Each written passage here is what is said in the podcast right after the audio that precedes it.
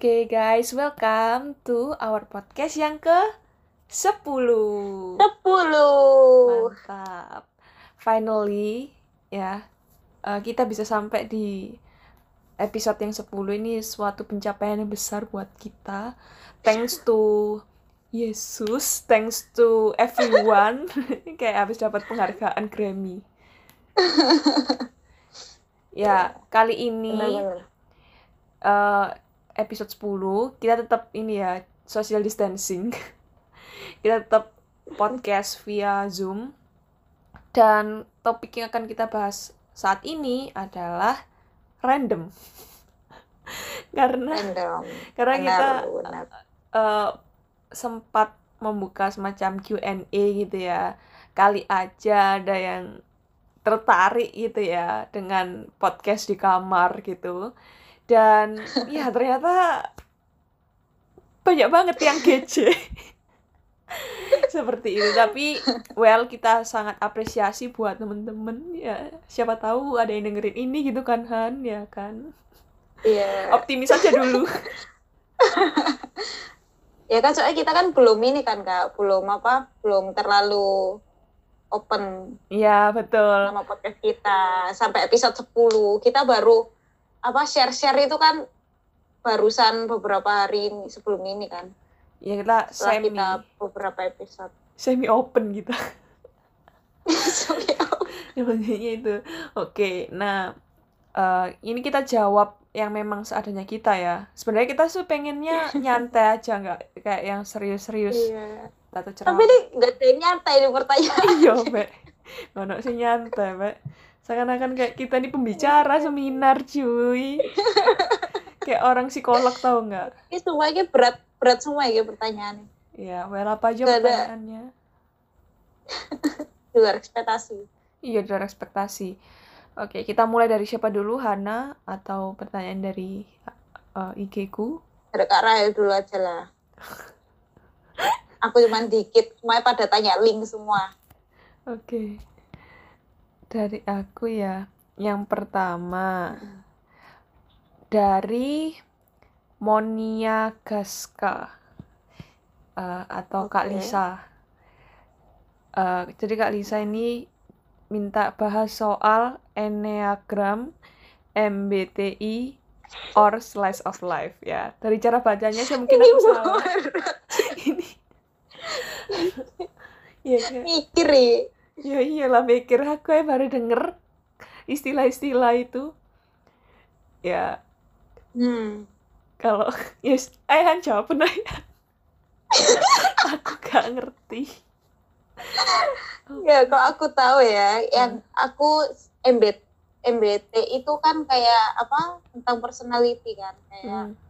Ada namanya INFP, INFJ, INTP, ISTJ, ESTJ kayak gitu. Pokoknya setauku itu eh, MBT itu dia tuh dibagi menjadi ini penjelasanku ya, Hmm. setauku ya, maksudnya bisa salah bisa benar. Hmm. Pokoknya MBT ini tuh dibagi empat kelompok, bagi empat kelompok kak. Hmm. Nah, terus per, per empat empat golongan ya, empat kelompok ini dia itu satu kelompok, setiap satu kelompok dia tuh punya dua dua ini, dua apa ya? Dua dua cabang gitu loh, dua cabang. Nah, eh Pasti lagi si- nyontek si- ya. si. Nah ini. Iya, ini aku nyari, aku cuma cuma inget Heeh, ingat beberapa. Nah, ada empat kan. Nah, satu cabang itu ada dua. Kayak misalnya eh, ini ada E sama I itu ekstrovert mewakili ekstrovert sama introvert Hmm. kayak gitu. Terus habis itu yang kedua itu ada T, T atau J. T itu thinking. Dia tuh dia tuh kayak lebih mikir gitu Hmm. sama J. Apa tuh Ci? dia tuh kayak lek setauku J itu kayak dia tuh kayak lebih prepare jadi kalau misalnya misalnya traveling ya Hmm. itu tuh harus kayak nentuin punya apa punya nanti jam segini harus ke sini setelah Oh, ini harus plan ya. jadi dia tuh kayak planning lebih plan gitu loh Oke oke. tahu ya lebih Mm-mm. organized Hmm, hmm. terus habis itu yang ketiga itu T I eh, I E I S N eh salah ding dan ini kita sangat santai banget ini ya sampai salah ini ngakak cuy. Udah jelasin udah nyontek. Masih salah. Udah nggak mampu udah. Salah salah. Ya. Cek, cek, cek. E sama I kan ekstrovert atau introvert. Kan kita wis Hmm. tahu kan ekstrovert gimana cara ngecharge energinya itu dengan ketemu orang misalkan kan. Terus introvert lebih ke diri sendiri. Terus sensor sama intuitif yang kedua itu S atau N kalau sensor itu ya orang yang lebih fokus ke fakta sama detail. Mm. terus? Kalau intuitif itu dia kayak lebih ke apa ya lebih ke suara hati gitu ya mungkin. Subjektif ya kan? Suara hati. Uh, uh, lebih fokus ke lebih fokus ke big picture-nya lebih fokus ke gambaran garis besar gitu loh daripada ke detail. Mm. kok sensor itu kayak lebih detail. Gitu terus tim terus yang ketiga itu kelompok ketiga itu thinking atau feeling. Kalau thinking kan dia tuh lebih logik Mikir. gitu. Di logik. Kalau feeling itu kayak lebih apa lebih ke suara hati gitu. Lebih feeling lebih feeling ya kan? Iya. namanya feeling ra. terus namanya juga feeling ya kan? Terus yang ketiga itu J atau P. J itu apa ya? Emang P apa? Z eh. P itu perseverance berarti Oh. lawannya itu J itu lawannya kalau pokoknya setahu ya kalau J itu dia tuh harus sesuai sama plannya DE dia harus sesuai sama plan. Terus kayak nggak nggak terlalu open sama eh, mungkin ada pilihan-pilihan yang datang di tengah jalan DE pas dia pas ini loh pas apa pas melakukan suatu tugas gitu. Kalau P itu kayak lebih terbuka. Jadi kayak misalnya ada di tengah jalan ada masukan ini oke kita coba. Kayak lebih apa ya lebih terbuka gitu loh setahuku. kayak gitu loh MBTI nanti kita bikin kita belajar dulu kak. Iya iya. Sama nanti terakhir bisa tes gila iki nanti pertanyaan pertama loh. Nah ya ini sulit ini. Kita nanti bisa bikin satu episode terus bahas ini bisa deh. Ini soalnya banyak tuh bisa Iya. diganti ganti Nah, kalau dari yang tadi kata-kata dari pertanyaannya sih sebenarnya udah ini ya menunjukkan kayak Enneagram, MBTI, terus apa lagi tadi Slice of Life tuh kayak sebuah tes yang eh, nanti hasilnya akan menunjukkan sebenarnya karaktermu tuh seperti apa atau kepribadianmu tuh Hmm, eh, benar. seperti apa. Itu biasanya dipakai buat psikolog-psikolog atau kayak eh, konsultan-konsultan untuk eh, biasanya sih kalau di sekolah-sekolah tuh nentuin kayak kamu nanti mau kuliah jurusan apa. Biasanya pakai buat itu sih. Heeh, Yang minat bakat Mm-mm, minat bener. bakatnya ke mana gitu Betul, betul. dan biasanya biasanya eh, kita akan mulai interest buat ngecek-ngecek kayak gini tuh umur-umur apa ya umur-umur SMA kuliah gitu gak sih soalnya kan lagi masa-masanya nyari tahu aku suka ya apa aku mau Iya. ke mana gitu. Ya, pada saat teenager sih sebenarnya. Ketika udah Mm-mm. mau ke level yang selanjutnya yang lebih berat. Mm-mm. Nah, oh ya oke ya, semoga terjawab Kak Lisa, Munia, Kak SK. Nah, selanjutnya dari terjawab sih detail iya enggak apa-apa lah. Kan kita juga bukan konsultan ya. Iya, nanti kita bikin lah episode itu boleh. Ya, ya. Eh, tapi loh, kamu kamu suka ini nggak sih kayak tahu soal zodiak-zodiak gitu? ah ya apa ya? Ya suka tapi nggak terlalu yang eh, maksudnya nggak terlalu yang kayak itu jadi pakem gitu loh. Iya, iya, iya. Mm-mm. Nggak terlalu Soalnya sebenarnya ternyata itu ada pembelajaran khusus untuk zodiak. Maksudnya tuh bahkan kayak apa ya? Mungkin mata kuliah bisa dibilang kayak gitu. Ada. Oh iya dah. Mm-mm, Jadi ada khusus eh, orang-orang tertentu yang memang mempelajari itu gitu. Waktu itu aku pernah dengernya, Hmm. dengerin podcast podcastnya siapa tuh namanya?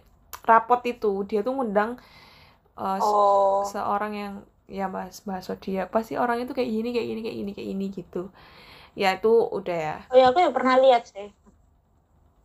Eh aku kalau zodiak ya wis mungkin deh tapi aku emang kadang-kadang gitu kayak emang mirip gitu ngerti gak sih?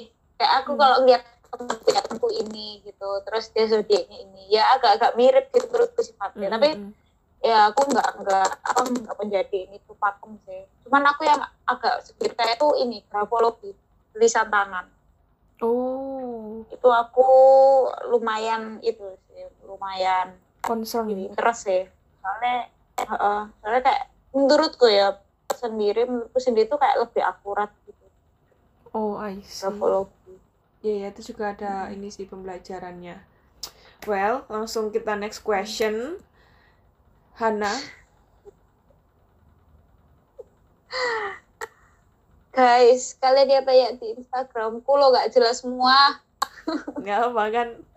Buat ini cuy. Santai-santaian cuy iya kan tuh bisa tanya gimana bau uang ya baunya uang baru ya kayak gitulah uang kece be kece be apakah Tapi- dia tapi emang ada baunya kan ya maksudnya gini loh kan? apakah dia tidak pernah mempunyai uang sehingga dia tidak tahu baunya gitu loh. Astaga, bau buku. Oh, no, no, eh. Oh yakin pasti dia punya uang tapi kenapa aku nggak bau sendiri gitu loh Makanya. ada lagi Ya, santai sih santai ya, tapi jangan yang terlalu kayak gitu. nggak apa nggak apa kamu harus Um. tetap jawab profesional baunya gimana Yes, kamu ke bank, ambil uang, terus itu bawaan ya apa itu? nggak usah jauh-jauh ke bank minta minta ibu terus bau Ya, dari biasanya ibu itu uang dari pasar semua. nah biar tahu jerilah seorang ibu dasar Ya lah, is kayak gitu. terus Sama ada pertanyaan, aku aku ini nggak bisa buka IG ya, karena aku ini nge-live, eh nge-live, ke podcast podcast, podcast pakai HP. Hmm. Jadi aku yang aku ingat aja pertanyaannya. Ada yang pertanyaan aku paling ingat itu tanya tentang tentang first love. first love oke Terus aku tuh iya first love. Ya first love. nyanyi ya Oke dari Kak Rahel dulu. Kak Rahel itu gimana? dasar dasar Sebelah loh. Aku tuh bingung loh kayak lihat ditanyain first love. Soalnya um, masih masih nggak tahu bisa it kayak kayak gini tuh bisa dikatain love apa enggak. Masa cuman lihat misalnya orang kayak keren gitu masa wis bilang love gitu. Aku ya nggak tahu ya defi- definisinya gimana. Iya. Farel gimana? Well ya eh, first love. First love itu nggak tentu jadi last love itu prinsipnya itu. Quotes of the day. Quotes of the day. Nah, itu. Nah first love itu berbeda dengan first sight. Love at the first sight. Gitu. Oh cinta pandangan pertama. Ya karena uh, love at the first sight itu bisa terjadi kapan pun. Nggak harus kepada orang pertama. Nah first love itu konsepnya adalah orang pertama yang kamu cintai biasanya sih itu lebih ke arah pasangan ya lawan jenis atau Hmm. pasangan lah Hmm. Eh, pasangan yang pertama yang menurut kamu first love orang pertama yang buat kamu bener-bener fall in love kayak itu tuh first love nah eh Hmm. first love itu biasanya adalah orang yang pertama kali menurut kamu ya yang Hmm.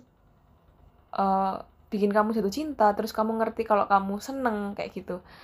Ya aku bukan pakarnya percintaan ya. Sekali lagi eh, disclaimer karena sampai saat ini pun I have no love gitu. Bagaimana? Maksudnya love lifeku tuh eh, nggak se maksudnya nggak apa ya nggak seindah cerita-cerita orang gitu ya karena ya semuanya lagi Mhm. struggle sih cuma kalau ditanya soal first love pasti itu sesuatu yang bisa indah bisa nggak indah gitu karena ketika ada first Hmm. love bisa jadi itu ada second love third love dan lain-lainnya makanya Nah, itu. makanya aku pas ditanyai pertanyaan itu aku aku dalam hatiku batin gitu kan Lah, aku love aja nggak tahu sampai sekarang tuh gimana. Maksudnya kayak apa ya? Em, maksudnya love ke orang ya? Ke dia kan pasti tanyanya lebih ke lawan jenis kan? Iya betul bukan love ke musik. Aku kok love ke musik udah tahu dari dulu ya kan? Aku ngantuk kalau main musik ya gak ngantuk jadi nih gitu. Mm, mm. tapi em, eh, aku mm, gak bisa jawab itu sekarang sih. Iya ya ini kan ya kan? eh, inget ya tujuan podcast kita kan juga untuk beberapa waktu mendatang kita dengarkan. Iya iya iya Siapa tahu iya, nanti eh. kamu dengerin episode ini lagi. Udah menemukan first love and your last love sekaligus ya kan? Who knows? Benar benar. Benar tapi yang pasti kalau love ke keluarga itu ini sih apa aku ngerasa gitu maksudnya kayak kayak aku tuh kadang tuh eh, punya kesempatan buat apa ya aku kan wis dikasih kepercayaan gitu kan sama bapak ibuku gitu Hmm. Em, terus aku itu punya kesempatan buat aku itu eh, keluar batas gitu maksudnya keluar pagar Hmm. aku tuh punya kesempatan gitu Hmm. dan sakjane itu pun bisa gak ketahuan gitu loh. Hmm, tapi gara-gara aku tuh inget ya kayak aku nanti kalau kayak gini nanti ya ya, rasa kecewa kecewaannya bapakku gitu. Terus apa, rasa sedih gitu. Karena karena apa ya? Karena itu kan muncul karena kita sayang kan ya kan? Ya kita nggak mau melihat orangku sedih terus kayak aku kecewa bayang lah nanti kalau adikku adikku ngikuti aku kayak gini ya apa? Aku nggak mau adikku kayak gini gitu. Makanya aku nggak melakukan itu gitu. Yaitu karena love ke keluarga itu. Betul, ya aku nggak tahu ya. Begitu aku tahu kata eh, kata ini aku teringat itu sih ke keluarga gitu. so aku jujur aja kalau buat lawan jenis itu aku nggak pernah sampai sekarang ya sampai sekarang itu aku belum pernah berusaha untuk mendapatkan untuk mengejar gitu. Aku Hmm. belum pernah mengejar sih sampai sekarang. Jadi aku tuh selama ini kayak kalau misalkan aku tuh interest ya aku kalau bilang gitu aku interest. Aku tertarik sama temanku. Yuk kita nggak bisa bohong lah. Hmm, hmm. aku eh, kita cewek kan maksudnya kita remaja ya kan. Kita pasti masa SMA SMP Hmm, ya pasti kita interest lah ke orang kayak gini. Hmm. entah karena dia gini karena dia gini gitu. Tapi aku dari dulu tuh mesti kayak mikirnya tuh kayak aku tuh enggak aku tuh enggak denial. Jadi aku tuh menerima kalau aku interest gitu oh, oh, aku interest sama orang ini gitu kenapa? Jadi kayak oh dia tuh gini gini gini. Oke aku suka kan. Oke sudah gitu toh. Jadi aku enggak yang kayak akhirnya ngejar-ngejar apa terus coba menarik perhatian.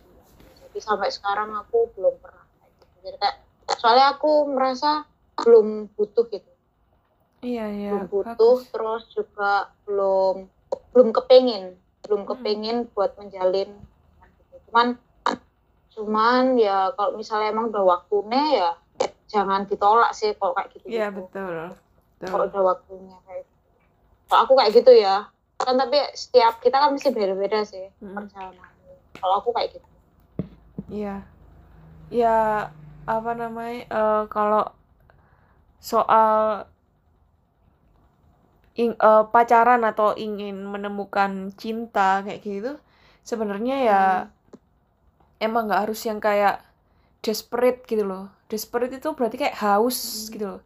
Itu sebenarnya justru Hmm. malah nanti jatuhnya itu nggak bagus, nggak baik karena ekspektasimu tuh tinggi terus kamu itu fokusnya untuk cari orang yang memperhatikan kamu kayak kamu karena kamu haus gitu loh, haus akan untuk mengisi kamu ya kan ah untuk ya itu. mengapa ya memenuhi kebutuhanmu gitu. Heeh, padahal seharusnya kita sudah utuh dulu jadi whole Hmm, kayak gitu. benar benar Nah itu. ya biar nggak biar nggak minta apa yang gelas kosong itu kan Iya. tak diisi terus mereka kosong kita ngisi mereka kita yang kosong jadi kayak harusnya itu sama-sama terus iso jalan bareng Iya, betul. Berat kan itu kita ringan-ringan loh Iya, nggak apa-apa, nggak apa. Eh, kita next question aja ya. oke next Next sekarang question. aja Oke, dari aku. Oke, aku cari yang ini aja deh. Oh, eh, collab tips ngerantau. Oh, temenku ngajak collab. Tapi anu tentang tips oh merantau. collab tips ngerantau oh Ya mungkin untuk collab saat ini itu ya guys masih ditunda dulu. Karena kalau ngajak collab sebenarnya itu banyak banget sih. Woi.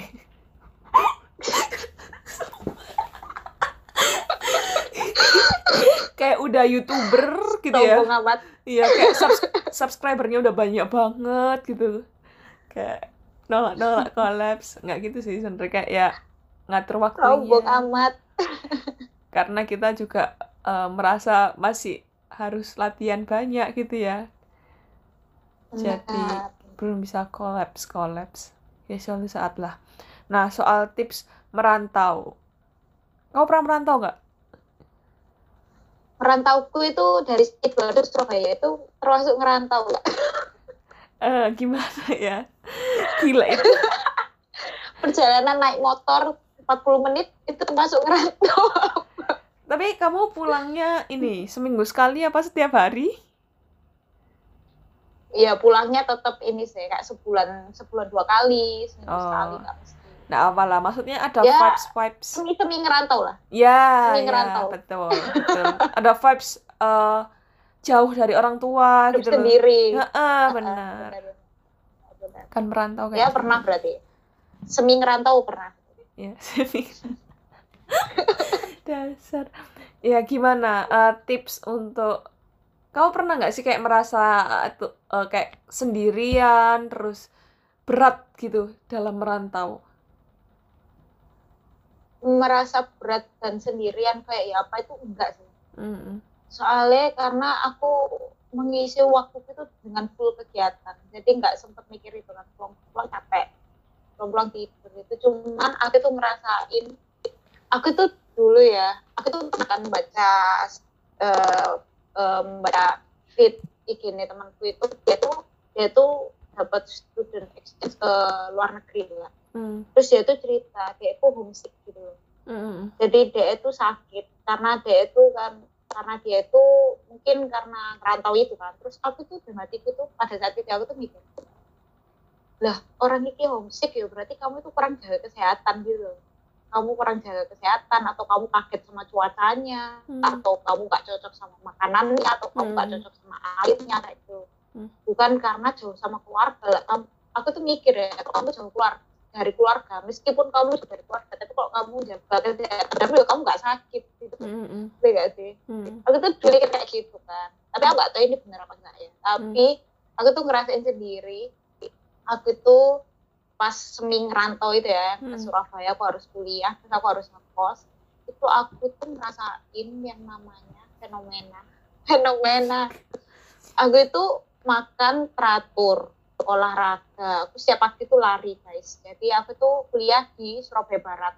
Itu masih ini kan masih apa ya banyak tanah kosong gitu. Jadi aku tuh pagi-pagi jam setengah enam tuh lari. Gila, terus aku tuh keren. makan itu masak aku tuh masak aku masak sayur masak ini Sangar, sangar, ya kan aku sangar. sehat bahkan aku tuh lebih sehat daripada aku di rumah ya kan aku di rumah kan makan yang ada di meja Gila. gitu tapi tapi gara-gara aku ngekos aku tuh bisa nentuin aku mau makan apa gitu. Jadi aku Hmm. lebih sehat kan terus aku beli buah tapi aku tuh tetap sakit Kok jadi bisa? aku tuh gak masuk angin gitu kan terus Oh. sakit gigi gitu. Terus aku tuh pusing lemas gitu. Jompo tapi begitu ya? aku pulang beneran tapi begitu aku pulang langsung sembuh.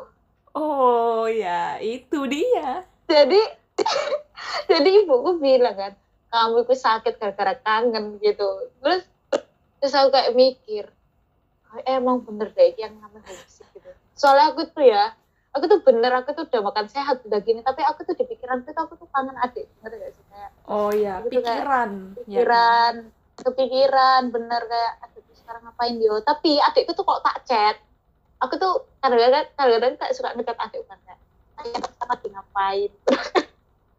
Terus adikku tuh kayak suah kayak jawabannya kayak lah mbak kayak gitu. Jadi Iya, kayak karena sesuatu yang aneh Ya tumben gitu loh. iya makanya itu suka ya ampun mbak Iki lagi kangen kamu tuh kok manja kayak gitu mbak yo mbak itu di fit call kan udah kayak gitu. ya? Males. Ah ada aku bilang "Mek, males gitu. Ya, kayak terus aku tuh kok melihat anak kecil gitu ya pulang kuliah gitu aku kayak udah nangis soalnya inget adik gitu. Padahal itu cuma si Sidoarjo Surabaya guys. Itu Gila. beneran sih aku kayak sakit gitu. Bayangin jadi kayak musik itu real sih menurutku. Iya, ya bukan deh. Musik itu real Eh, kalau tipsnya ya kembali lagi tipsnya itu tetap ini sih harus tetap fit call sama keluarga gitu. Iya, iya. soalnya soalnya itu bisa mempengaruhi kesehatan menurutku ya kalau dari pengalaman Iya, betul, betul. Betul. gitu sih terus makan sehat meskipun ada yang masakin biasanya kalau anak atau kan ini kan beli kan kan nggak gitu masak indomie indomie Iya, betul banget. Penyelamat sih. tapi bener loh Indomie tuh masak cepet harga murah bisa ditemukan di mana aja kenyang enak ya nggak sih Betul. Betul Indomie banget. Kayak makanan favorit. itu ah, ah, bener tapi aku justru pas ngekos itu aku tips kalau aku sendiri ya aku tuh nggak ngestok Indomie biar kalau aku lapar aku Masak. nyari makan yang lain nggak makan Oh. Indomie gitu Wah, sangat ini ya. Gitu. Sangat komit dengan kesehatan sih. Kayak olahraga, masak sampai nggak stok Iya, Indomie kayak- itu kayak suatu iya keanehan untuk anak rantau nggak ada aku nggak Indomie. tahu sih Tapi bagus sih. Iya, aku bisa tahu survive sampai sekarang. Ah, ah. tapi emang aku nggak nggak terlalu suka Indomie sih Oh, I see. Ah, ah. karena aku kalau habis Indomie aku mik- pikiran nggak tenang sampai Oh. aduh jerawatku Oh, habis iya. makan Indomie gitu Wah lah, iya iya iya benar benar. Jadi ini nyambung sama episode kita yang sebelumnya guys Weh. tentang insecure. bagus bagus ya insecure atau bersyukur gitu kan ya betul betul bagus bagus ya kalau Aku masih ingat itu sih. Kalau dari Kak Rahel.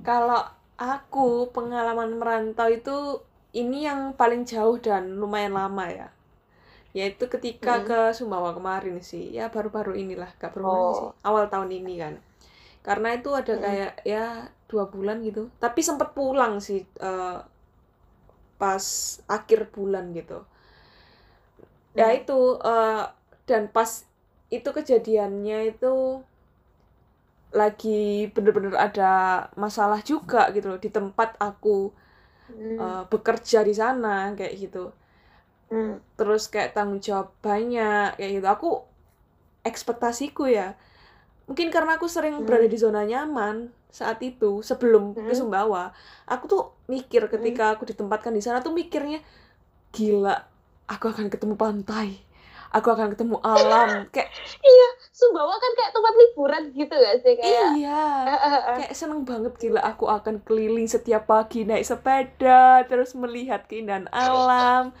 kayak ya seneng banget gitu kan Ekspektasi tinggi di awal ya gini nih. iya Ak- akhirnya aku down to earth nggak kayak harus buka-buka HP banyak apa sering-sering menikmati suasana gitu kan ternyata Hmm. ya ya memang aku menikmati alam ya tapi ternyata kayak ya ada homesicknya juga sih pasti karena kerja kan. Mulai ya apa yang paling bikin mangkel ya Han. Eh tapi ini nggak tahu ya kayaknya kalau tipsmu itu yang fit call itu eh, Ah, efektivitasnya di eh, aku eh ah, ah. agak berku agak nggak agak nggak tinggi gitu lah agak nggak efektif. Ke- Ah. kenapa? Karena setiap aku fit call ya well sebenarnya aku aku nah tipenya papa mamaku itu eh Mm-mm. ya sama aku juga itu tuh kalau mau fit call atau mau hubungi tuh nggak enakan gitu satu sama lain takutnya nih sibuk ngapain sibuk ngapain Oh. tapi kalau emang bener-bener kayak di jam-jam tertentu malam-malam pun bisa langsung telepon kayak gitu jadi nggak tentu nah Hmm. Dan mereka tahu kalau aku pas di Sumbawa itu eh, gimana pasti kayak homesick gitu kan. Nah mereka sengaja fit call aku. Mereka dulu mesti yang fit call aku. Tapi tahu fit Hmm. callnya gimana. Pas mereka di mall. Jadi kayak kayak kamu tau nggak? Sengaja. Sama giler dong. iya sengaja. Kayak aku tuh. Nah ya FYI di Sumbawa tuh gak ada Hmm. mall benar-benar gak ada mall. Kayak Heeh, wis lah makanan yang kamu temui kayak geprek bensu nggak ada. Terus kayak samyang itu susah dicari cuy. Kecuali kalau dia di Alfamart atau nggak ada ya gildak ya? Boba nggak ada deh sana. Boba gildak menanti. kamu menanti gak ada lah. Eh media gak ada terus apa namanya? Ya apalagi boba ya jangan tanya. Di sana bobanya itu waktu kamu gigit gigimu yang mendal. Be- beda cuy.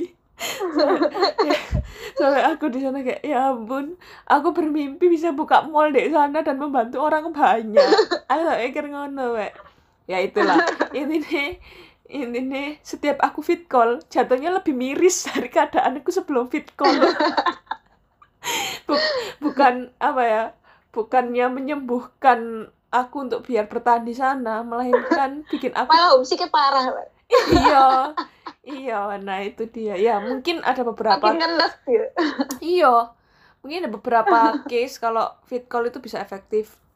Tapi kalau mungkin tipsku lainnya selain fit call ya eh, cari aktivitas untuk aktif. Jangan sampai kita tuh diem ngurung di kamar atau kita HP-an terus karena itu akan Hmm. membawa kita merasa sendirian dan ini sih nggak nggak memanfaatkan kesempatan yang ada gitu. Karena anggap aja merantau mumpung kamu di situ. Karena nggak ada yang nggak ada yang tahu kalau kamu nggak bakalan ke situ lagi gitu dan kamu akan kangen momen-momen Hmm. itu itu sih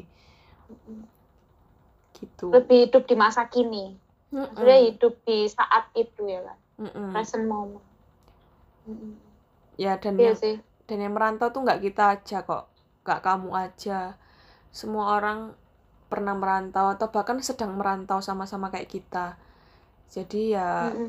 manfaatkan kesempatan itu bahkan bikin kom bukan bikin ya eh, join komunitas di sana itu better sih. Benar. karena lebih banyak teman siapa tahu jodohnya orang sana gitu kayak misalkan kamu merantau ke Jerman terus jadimu orang Jerman Aduh. Aku pengen merantau ke London aja deh. iya Biar kayak Harry Style. Gitu.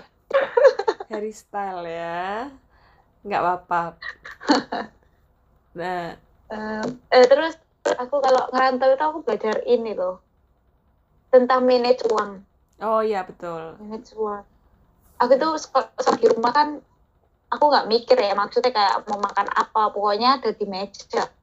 Aku makan kalau nggak ada kalau pengen roti nggak ada roti tanya ibu bu pengen roti nggak ada roti gitu dibelikan gitu kan lebih tersedia gitu. Cuman kalau Iya. ngerantau itu kita yang ngatur sendiri kan keuangannya. Kayak gitulah. Lah kebetulan aku ini kan pecinta aku makan itu nggak terlalu yang gimana kan. Mm-mm. gitu. Cuman aku ambil kayak misalnya pagi ya ibuku dulu mesti beliin aku pagi tuh susu kedelai kayak gitu. Biasa biasa kayak susu kedelai terus cookies gitu. Nah kalau malam itu kadang-kadang kayak beliin rambulan terus kayak sore-sore kayak gitu loh. Kayak snack-snack kayak gitu loh. Ya. Kayak sore-sore tuh apa gitu telur gulung misal buah itu mesti ada di rumahku soalnya karena ayahku kan Buah mesti ada nggak bisa semangka kayak gitu gitu lah terus pas ngerantau ini kayak bener-bener kok kalau kamu nggak beli ya kamu nggak ada makanan gitu loh kalau Mm-mm. kamu nggak nyari ya kamu nggak bisa makan itu gitu Mm-mm. terus betul akhirnya kan karena aku kebiasaan nyemil gitu kan Hmm. akhirnya aku tuh kayak kepengen apa beli pengen apa beli dan akhirnya tuh kayak boros banget gitu loh. Dan soalnya kayak misal kita makan ya misalkan makan anak kos gitu makan lima belas ribu. Tapi kalau jajan itu kayak kamu jajan bisa kayak dua kali nih iya. makan gitu. Betul Iya betul kan? betul. Dan itu nggak kerasa. Dan itu nggak kerasa. Jadi kayak aku pertama pertama awal adaptasi kebiasaan itu kayak ya iya ya aku aku nggak bisa sih ini terus. Kayak nggak bisa lihat aku nyemil gitu loh hmm. jadi kayak aku baru kerasa kayak ya ampun selama ini bu, bu openi aku openi itu rawat aku itu kayak biayanya gede jadi kayak maksudnya kebutuhan-kebutuhan yang tidak kelihatan itu kalau hidup sendiri akhirnya kayak kelihatan nyata sama ini itu kekuatanku buat makan nah itu besar jadi kayak dari ngerantau itu aku kayak belajar ini sih manage uang gitu. Iya. jadi kayak Heeh, jadi kayak ya penting buat kamu itu ya aku dulu akhirnya itu aku itu punya ini punya amplop banyak gitu. Hmm. tak tulis iki uang makan uang bensin uang Mantap. apa uang Ya, apa ya, uang pembagian apa ya. uang jajan. Betul betul betul. Bagus itu. Heeh. jadi kak heeh, jadi kak misalnya aku kepengen jajan tapi uang jajanku tuh tinggal 50 misal. Tapi masih tapi masih ada dalam minggu lagi. Ayo kamu mau jajan sekarang nanti pas kamu pas pengen banget baru jajan. Jadi kayak lebih mikir gitu jadi kayak itu itu uang. Tapi nggak apa-apa sih Eh, proses-proses gitu perlu dilewati. Akhirnya kan belajar kan? Iya betul. Belajar. Betul. Well itu tips dari kita untuk pertanyaan dari eh, Sari Sekar my friend. Terus pertanyaan selanjutnya dari Hana nggak ada wes aku next. Kayak pesimis gitu ya. Nah ini. Ini ada sih. Eh tanya Iol my my my friend. Tanya Eh, Mhm. soal nikah muda rentan cerai. Pertanyaanmu loh kak. Berat-berat kok dari tadi. Mohon maaf ya ini yang tanya sudah umur 25 ke atas kayaknya ya. 20-an ke atas. Kayak mempertanyakan soal hidup. Nikah muda rentan cerai. Boro-boro nikah yo. Kita tadi ya mbak soal first love. Tapi nggak apa iya masih nunggu nanti jawabnya. Nah tapi nggak apa kalau dari yang eh, setaumu dulu lah untuk saat ini apakah Nah, menurutmu kamu setuju nggak kalau nikah muda itu rentan cerai kak? Dan kenapa? Nikah muda rentan cerai. Menurutku ya memang lebih rentan daripada yang melewat eh, nikah muda rentan cerai. Oh berarti dia kan di umur muda nikah. Hmm. bukan berarti bukan masalah lama nih pacaran kan? Enggak hmm, nikah muda rentan cerai ya mungkin ya rentan menurutku. Soalnya apa ya kita kan berkembang terus kan. Kayak pemikiran kita umur 19 tahun sama pemikiran Hana yang umur 21 tahun kan beda. Jadi kayak kadang-kadang kadang-kadang em, aku aku pengalaman ya pengalaman sendiri. Hmm. aku aku melihat ada eh, ini eh, perempuan gitu nikah itu umur 18 tahun. Pokoknya lulus SMA langsung nikah. Lulus SMA langsung nikah. Terus jarak setahun dia udah punya anak. Jadi pokoknya dia umur 21 tahun tuh wis punya anak dua gitu. Wow. Itu kan Hmm. udah banget kan? Hmm. udah banget kan? Pada akhirnya tuh ya emang dia itu lebih dewasa. Soalnya kan gimana karena keadaan kan dia umur 21 tahun wis punya anak dua dia tuh memang lebih dewasa maksudnya secara mikir lebih tata lebih tegas gitu. Cuman kayak kadang-kadang itu ada satu sisi yang kayak dia tuh kayak dia tuh punya anak dua tapi itu kayak masih kepengen main gitu. Kayak oh itu masih kepengen hangout sama teman-teman. Hmm. padahal punya anak gitu. jadi kayak kadang ada sisi-sisi anak kecile gitu loh. Jadi kadang-kadang kayak masih kayak masih kepengen apa nyoba tren ini nyoba tren ini nyoba tren ini gitu. Tapi padahal dia tuh wes punya anak dua yang mungkin lebih lebih membutuhkan biaya kayak gitu. Hmm. jadi kayak itu saya aku melihat kadang kalau nikah muda eh nyambung nggak ya sama rentan cerai?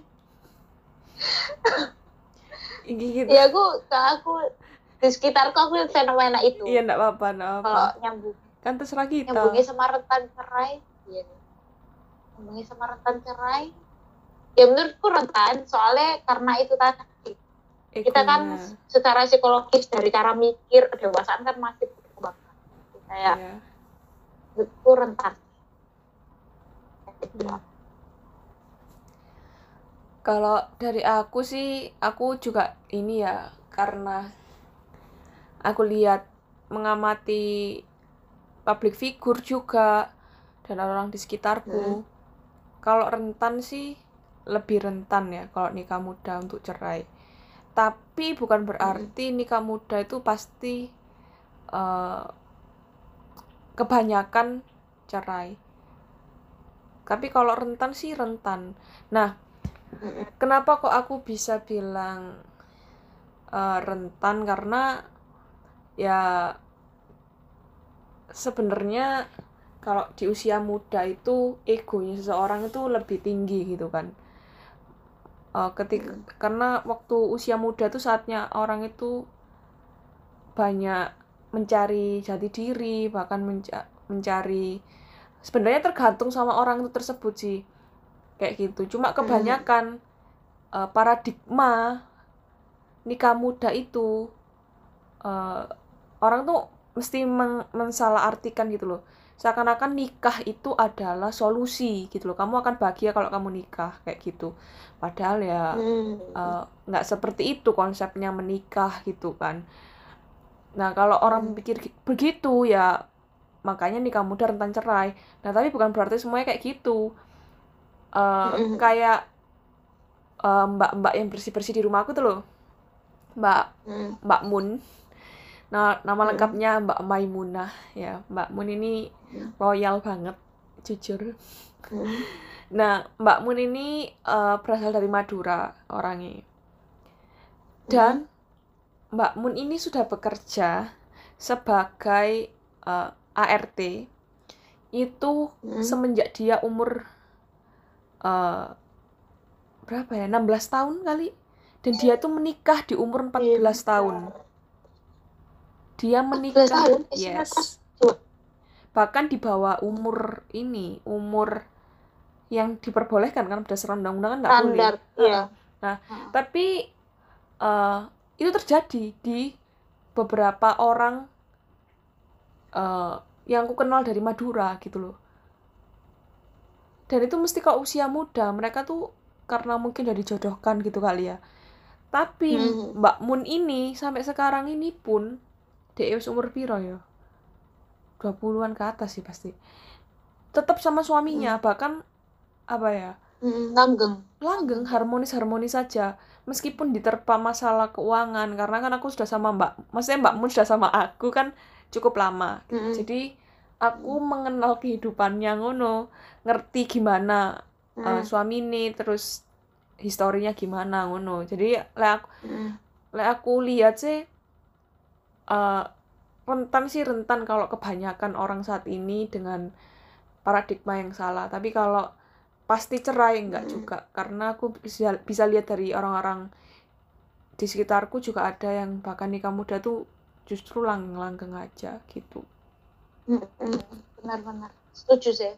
Kalau rentan mungkin rentan tapi itu nggak menjamin menjamin pas cerai gitu kan. Tergantung sama orangnya kalau lagi kan Iya. kalau dia emang karena nikah muda kira dia berproses dari situ jadi lebih dewasa lebih ini ya mungkin bahkan bisa langgeng aja dan menginspirasi jadi nggak mesti gila sih Mantap. kita cukup serius ya bahas nikah Ih, ini serius banget ya, gak cukup serius poli ya. Iya makanya. Ya mungkin Hana mau jadi mama muda. Tapi beneran aku aku pengen nikah muda itu biar jadi mama muda, wek. Jadi waktu anakku berkembang aku tuh tetap kelihatan muda, paham nggak maksudku? Berkembang, tumbuh, berkembang, Oh ya tuh maksudku. tumbuh. Lah emang maksudnya standar muda setiap orang kan beda lek Ya. eh, standar muda itu berapa nikah muda Ah, aku dah. nah, Nikah muda eh ya 20-an. 20-an 20 berapa? 27 gak muda sih. Iya, dua dua Pilih orang Indonesia. dua dua dua dua iku nikah muda menurut- oh kedua enggak serius 17 sih nikah muda yo. Gak tau lah. Ya beda kan standar. Mm-mm. Ya, aku nikah muda ya umur umur kita sekarang ya 21 22 ya. Banyak kok temenku yang sudah nikah sekarang oh iya dah. Mm-mm. ya bagus jadi kayak nggak ada kabar-kabar gitu tiba-tiba kayak story nya mereka kayak lamaran. Gitu oh. Gila. tak kira nggak ada kabar Iya. kak nggak ada nggak ada kabar-kabar. Tiba-tiba sang gendong anak. Tuh kan ada juga kayak gitu. Ya tapi kan mesti at least yang diupdate duluan itu adalah kehidupan menikah gitu loh. Untuk menghindari persepsi-persepsi yang tidak tidak dari netizen Makanya. ya terserah lah pilihan Ya, well itu adalah pertanyaan-pertanyaan dari teman-teman kita. Sebenarnya masih ada yang lain, tapi kami tahu kalau itu ya nggak nggak bisa dijawab sekarang ya. Banyak yang GJ juga, kayak Naruto berangkat haji itu pertanyaan macam apa? Iya guys, kalian ini tanya bawa uang itu gimana? Gimana kita mau jawab? Well, itu adalah podcast hari kita. Hmm. Bye. Oke, yang pertanyaannya, pertanyaannya belum dijawab. Ya, Yang pertanyaannya belum dijawab, jangan sedih. Kalau kita tanya lagi, open question kalian tanya lagi. ya udah trauma nggak dijawab. ya udahlah. Bye. Bye. So, aku Rahel. Aku Hana. Thank you ya udah dengerin podcast kita, podcast di kamar. See you on next episode. Bye!